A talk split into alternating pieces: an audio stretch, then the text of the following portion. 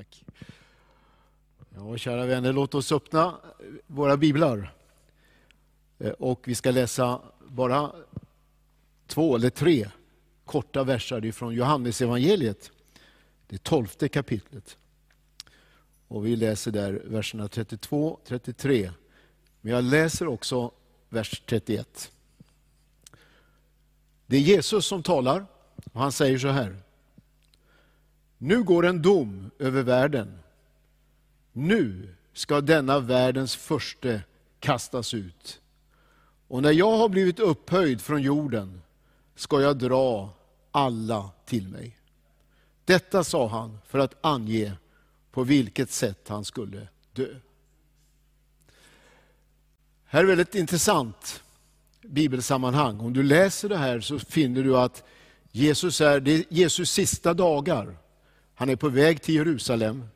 I början av det här kapitlet så är det en kvinna som smörjer hans kropp. Och Jesus säger, det här är egentligen en förberedelse för min begravning. Hon smörjer min kropp för min begravning. Jesus visste att han var på väg till Jerusalem. Han visste att han där skulle ge sitt liv för oss människor. Och bara då, några dagar innan så talar han och, och då säger han de här orden som betecknar på något sätt en, en skärningspunkt, en, en viktig punkt.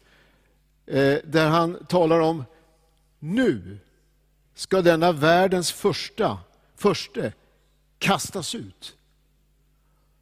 Och jag ska bli upphöjd från jorden. Märker du eh, det här skiftet som han talar om? Jesus upphöjs, denna världens första djävulen ska kastas ut och förödmjukas. För att förstå det här ordentligt så måste du veta och minnas att när Jesus talar om att han skulle bli upphöjd, så berättar ju Bibeln att Jesus levde upphöjd. Han var till från begynnelsen. Innan jorden skapades, innan en människa fanns till, innan en fågel kvittrade, så fanns Jesus. Ja, det var egentligen han som var upphovet till hela skapelsen. Han var i begynnelsen, han var ordet som skapade allt och han var Gud. Han var upphöjd. Det är fantastiskt att tänka sig det. Eh, om du läser i Gamla Testamentet när Gud säger att jag är den höge och upphöjde. Jag bor i härlighet, i höghet, i höjden, men också hos den som är förkrossad och har en ödmjuk, ödmjukt hjärta. Jesus levde i en upphöjd ställning, över allting. Och ändå bestämmer han sig för att avstå sin gudomlighet. Och det var precis det vi hörde om i de inledande bibelversen, som vi hörde läsas. När Jesus säger, jag har kommit inte för att låter mig betjänas, utan för att tjäna och ge mitt liv till lösen för många. Jesus avstod sin upphöjdhet. Han avstod sin härlighet. Och när Paulus beskriver det här så säger han, han avstod från allt och han blev som en människa. Han klädde av sig sin gudomliga härlighet och blev som en av oss. Och han ödmjukade sig ända till döden på korset. Det var dit Jesus var på väg när han yttrade de här orden. Han skulle, han skulle ödmjuka sig så djupt att han skulle ge sitt liv. Och Bibeln säger den som ödmjukar sig, han ska bli upphöjd. Och den som upphöjer sig, han ska bli förödmjukad. Djävulen, han försökte upphöja sig till Gud. Och nu säger Jesus, nu är hans tid ute, han ska kastas ut. Själv, sa Jesus, skulle han upphöjas. Jesus upphöjs verkligen när han dör på korset. Och det var ju, vi hörde ju det, han säger det, eller eh, Johannes säger att han gav till känna på vilket sätt han skulle dö. Så Jesu död var faktiskt en upphöjelse, fast det i mänskliga ögon sett var ett stort misslyckande. Men Jesus han visste precis vad han gjorde. när han går till korset. Han undervisar vid ett tillfälle, han säger, som Mose upphöjde ormen i öknen, så måste Människosonen bli upphöjd. Och då gör han, anspeglar han på den, den där märkliga scenen i Gamla Testamentet där Israels folk var på vandring genom öknen och plötsligt så övermannades de av massa ormar, giftormar som höll på att eh, döda väldigt många av dem. Och Gud säger till Mose, det finns ett sätt du ska rädda folket. Du ska göra en kopparorm och sätta upp den på en stav. Och när folk tittar upp mot den så ska giftet försvinna och förlora sitt grepp om människorna.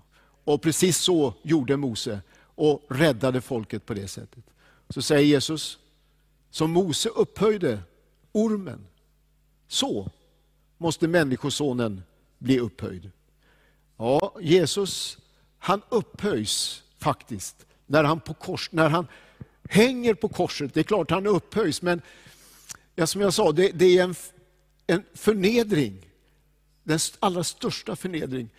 Men samtidigt säger Bibeln, hör och häpna, där när Jesus dör på korset så kröns han med härlighet och ära. Det är det som är så fantastiskt. Jesus upphöjs och där när han dör på korset så kröns han med härlighet och ära. Och där vinner han den allra största seger som någonsin har vunnits. Och där på korset så bryter han fiendens makt. Och där på korset så förlorar djävulen allt sitt inflytande och han kastas ut. Visst är det fantastiskt? När jag upphöjs från jorden ska jag dra alla till mig. Du förstår, det finns en sån attraktion i detta budskap om Jesu kors. Och därför så, frestelsen som ibland finns i kyrkor, att man tonar ner Jesu kors. Man tycker att det där är liksom gammalmodigt, Jesu blod det är gammalmodigt. Och man talar om lite mer allmänt om, om kärleken. Och det är det största misstag vi kan göra. Därför att i talet om korset finns Guds kraft. Talet om korset är en Guds kraft för de som blir frälsta. Och det finns en attraktion i det, alltså en tilldragelse, man dras. Det är det Jesus säger. När jag blir upphöjd från jorden ska jag dra alla till mig. Alla, lägger märke till att han säger det. Han talar om judarna, han talar om hedningarna, han talar om alla människor. Alla inkluderas i detta när Jesus höj, upphöjs på jorden. Och där så blir han vår, vår konung och vår Herre. Så vi skäms inte för Jesu kors. Vi sjunger i en sång, korset där Jesus gav sitt liv, det är min glädje, det är min ära. Och i en riktigt gammal sång som vi inte sjunger så ofta, så, så, säger vi, så sägs det så här att jag vill älska det urgamla kors. I dess kraft ska jag segrande gå. Och jag älskar korset, står det i den där sången. Och det är tilldragande. Hur kan ett kors, ett avrättningsredskap vara tilldragande? Jo, det var där Jesus vann segern. Det var där han skapade förlåtelse för hela mänskligheten. Och därför finns det en sån dragningskraft. Du vet, det är som en, en törstig människa som kommer till ett vatten. Det finns inget som kan hindra det. Det finns en attraktion, man dras till det. Och därför så sjunger vi om Jesus. Det är därför vi hörde lovsången om Jesus innan och vi kommer att höra mer av den sen. Och vi sjunger om Jesu kors, Jesu död. Det är vår seger. Och när Jesus upphöjdes, så i den ställningen så drar han alla till sig. Men det är också sant, imorgon firar vi Kristi himmelfärdsdag. Och vi kommer att minnas att Jesus efter sin död, efter sin uppståndelse, och efter att ha varit och vandrat med lärjungarna under ganska många dagar och undervisat dem, så far han tillbaka till himlen. Jesus kom ju som en doldis, han föddes som ett litet barn, inte många visste om det. Det var hans föräldrar, det var några herdar, det var några andra som, som blev varse detta. Och när Jesus lämnar jorden så är det också bara egentligen elva personer som ser honom fara upp. Men det här ordet gäller också faktiskt för Jesu upphöjelse. Eh, för att citera Paulus i andra, i andra kapitlet till Filipperbrevet, när han talar om att Jesus avstod från allt, ödmjukade sig, blev lydig intill döden på korset. Därför har också Gud upphöjt honom över allting. Upphöjt honom över allting och gett honom det namn som står över alla andra namn. Förstår du? Namnet Jesus är över alla andra namn. Alla, högre än alla människor, högre än alla änglar, högre än alla andefurstar. Det är så intressant när vi läser i Hebreerbrevet att Jesus efter sin död och uppståndelse så far han genom himlarna, står det, och sätter sig på Faderns högra sida. Det här uttrycket himlarna, det är väldigt intressant därför att i första Mosebok, de, de första verserna, själva portalen in i Bibeln, så står det i begynnelsen skapade Gud himmelen och jord. Så läser vi i vår svenska bibel. Men om du läser den engelska översättningen så står det mycket riktigt, i begynnelsen skapade Gud himlarna och jorden. Himlarna. Och Paulus han talar om att han till och med var i den tredje himlen. Och nu är vi inne på områden där vi inte riktigt har grepp och koll och kan riktigt reda ut det här. Men det vet vi att det finns områden i himlarymden där, där himlafurstarna, där djävulen hade sitt område. Men du förstår, Jesus han gjorde en färd genom himlarna och proklamerade sin seger och for igenom allt detta upp till Fadern och sitter på Faderns högra sida. Förstår du vilken seger och vilken upphöjelse hos Jesus? Och när Jesus kommer och sätter sig på Faderns högra sida, så ger han den helige ande åt lärjungarna. Och vad är det som händer? Jo, du har samma attraktion, du har samma tilldragelse igen. Om du läser vad som händer på pingstdagen, där lärjungarna får del av den helige ande, så står det att hela stan kom i rörelse. Alla samlades och undrade vad är, det, vad är det som händer? Vad är det som händer? Vad är, på, vad är det på gång? Det var en sån nyfikenhet, det fanns en sån attraktion när den heliga ande verkade. Ja, det är fantastiskt när Guds ande verkar. Du förstår, det finns ingenting som kan ersätta det. Det är, det är bra med duktiga, utbildade predikanter och vi som predikar, vi tror att det är viktigt. Och det är det. Och det är bra med duktiga sångare. Men du förstår, det finns ingenting som är så viktigt som att vi är beroende av den heliga Ande. Och att Guds ande får vara där och dra människor till Jesus. För det är till Jesus man dras. Det är det Jesus säger, jag ska dra alla till mig. Man dras inte till människor eller till något mänskligt sammanhang. Man dras genom den heliga Ande till just Jesus. Och därför så älskar vi i församlingen att upphöja Jesus. Så när vi upphöjer honom så skapas den här atmosfären av attraktion och tilldragelse och människor vill ta emot det som Jesus är och står för. Och därför så älskar vi att lovsjunga. Vi har ju gjort det här. Vi lovsjunger Jesus med våra läppar. Och vi lovsäger, ibland så kanske vi inte sjunger, men vi tackar Gud. Och vi älskar att göra det. Och det skapar en sån atmosfär av tilldragelse. Människor vill veta vad är det som händer. Lovsång, det är mer än ord, mer än sång. Eh, när salmisten talar om lovsång så säger han, Gud la i min mun en ny sång, en lovsång till vår Gud. Det ska många se och vara häpna. Så står det i vår gamla översättning.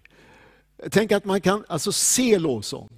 Lovsång talar vi, lovsång sjunger vi, men framförallt så lovsång lever vi. Vi lever ut våra liv som en lovsång till Gud. Och det är när människor ser vår lovsång i vardagen, eh, när vi lever i vår familj eller på jobbet eller i kvarteret, våra liv som en lovsång, det drar människor till Jesus. När församlingen upphöjer Jesus, då skapas det som vi kallar för väckelse. Ett uttryck som inte finns i Bibeln men som vi brukar tala om. När den där tiden finns när, när människor lite, lite extra söker Gud. Och längtan hos människor blir så stark så att man, man dras till där ordet förkunnas och där man upphöjer Jesus. Ja, Jesus upphöjdes. Världens första kastades ut. Ett skifte i den andliga världen. Jesus upphöjdes, djävulen kastades ut.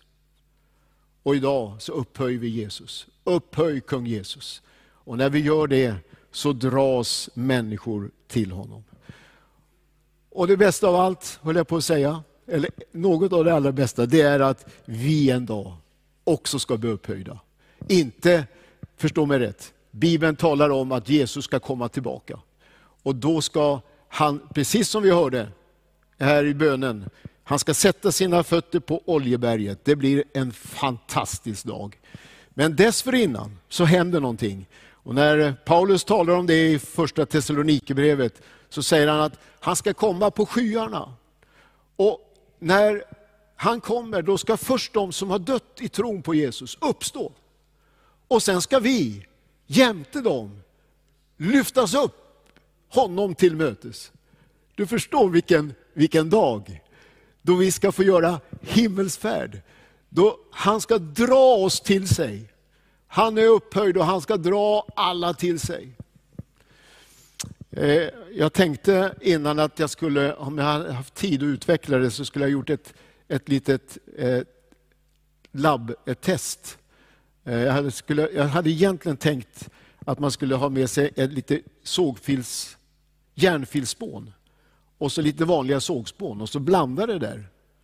Och så skulle jag be Stig eller någon sortera det. Ta en pincett och sitta och sortera det där. Det går kanske. Men det allra bästa sättet är att ta en magnet och sätta och plötsligt så har du alla järnfilspåren och sågspånen ligger kvar, eller hur? När Jesus kommer så blir det dragningskraft, det blir magnetism på hög nivå och vi ska dra oss honom till mötes och vi ska för alltid vara hos honom. Åh, när jag blir upphöjd, sa Jesus, ska jag dra alla till mig. Han blev upphöjd på korset. Han blev upphöjd när han for genom himlarna hem, satte sig på Faderns högra sida. Och vi upphöjer honom i församlingen en sån här kväll och genom våra liv imorgon, en vanlig torsdag, så upphöjer vi Jesus genom våra liv. Och så väntar vi med spänning på dagen då han ska komma tillbaka. Då han ska dra alla till sig. Då vi ska få vara hos honom. Då, då är det slut med konflikter, då är det slut med misslyckanden, det är slut med besvikelser, slut med sjukdomar. Då ska vi inte längre behöva ha bönemöte och be för olika sjukdomar. Då är vi tillsammans med Herren. När jag blir upphöjd, sa Jesus, ska jag dra alla till mig. Nu önskar jag att du känner tilldragelse ikväll till Jesus. Han har upphöjts, han har dött för din skull. Och han har uppstått från de döda och han har farit genom himlarna och han sitter idag på Faderns högra sida. Jag hoppas du känner dragning till honom. Han vill ta hand om ditt liv. Han vill förlåta dig. Han vill göra att du blir född på nytt till ett levande hopp. Så att du också kan vänta den dagen då Jesus kommer. Då vi alla ska gå, dras till honom, får vara för evigt där. Nu är världens första utkastad. Och Jesus är upphöjd. Herre, jag tackar dig. Tack för ditt ord. Tack för den seger du vann. Tack att du lät dig upphöjas på korset. Precis som ormen upphöjdes i öknen, så lät du dig upphöjas. För att vi skulle kunna få se på dig och få liv. Och att syndagiftet i våra liv skulle tappa sitt grepp. Tackar dig Jesus. Tack att du är upphöjd idag. Du sitter på Guds faderns högra sida. Du ber för oss. Och vi väntar med spänning på den dag du ska komma tillbaka. Och du ska dra oss till dig. Åh, tack för den heliga Andes magnetism som ska dra oss dig till mötes. Och nu känner vi denna, denna dragning till dig Jesus redan här. Och nu då vi vill närma oss dig, leva nära dig och vara dig till behag. I Jesu namn. Amen.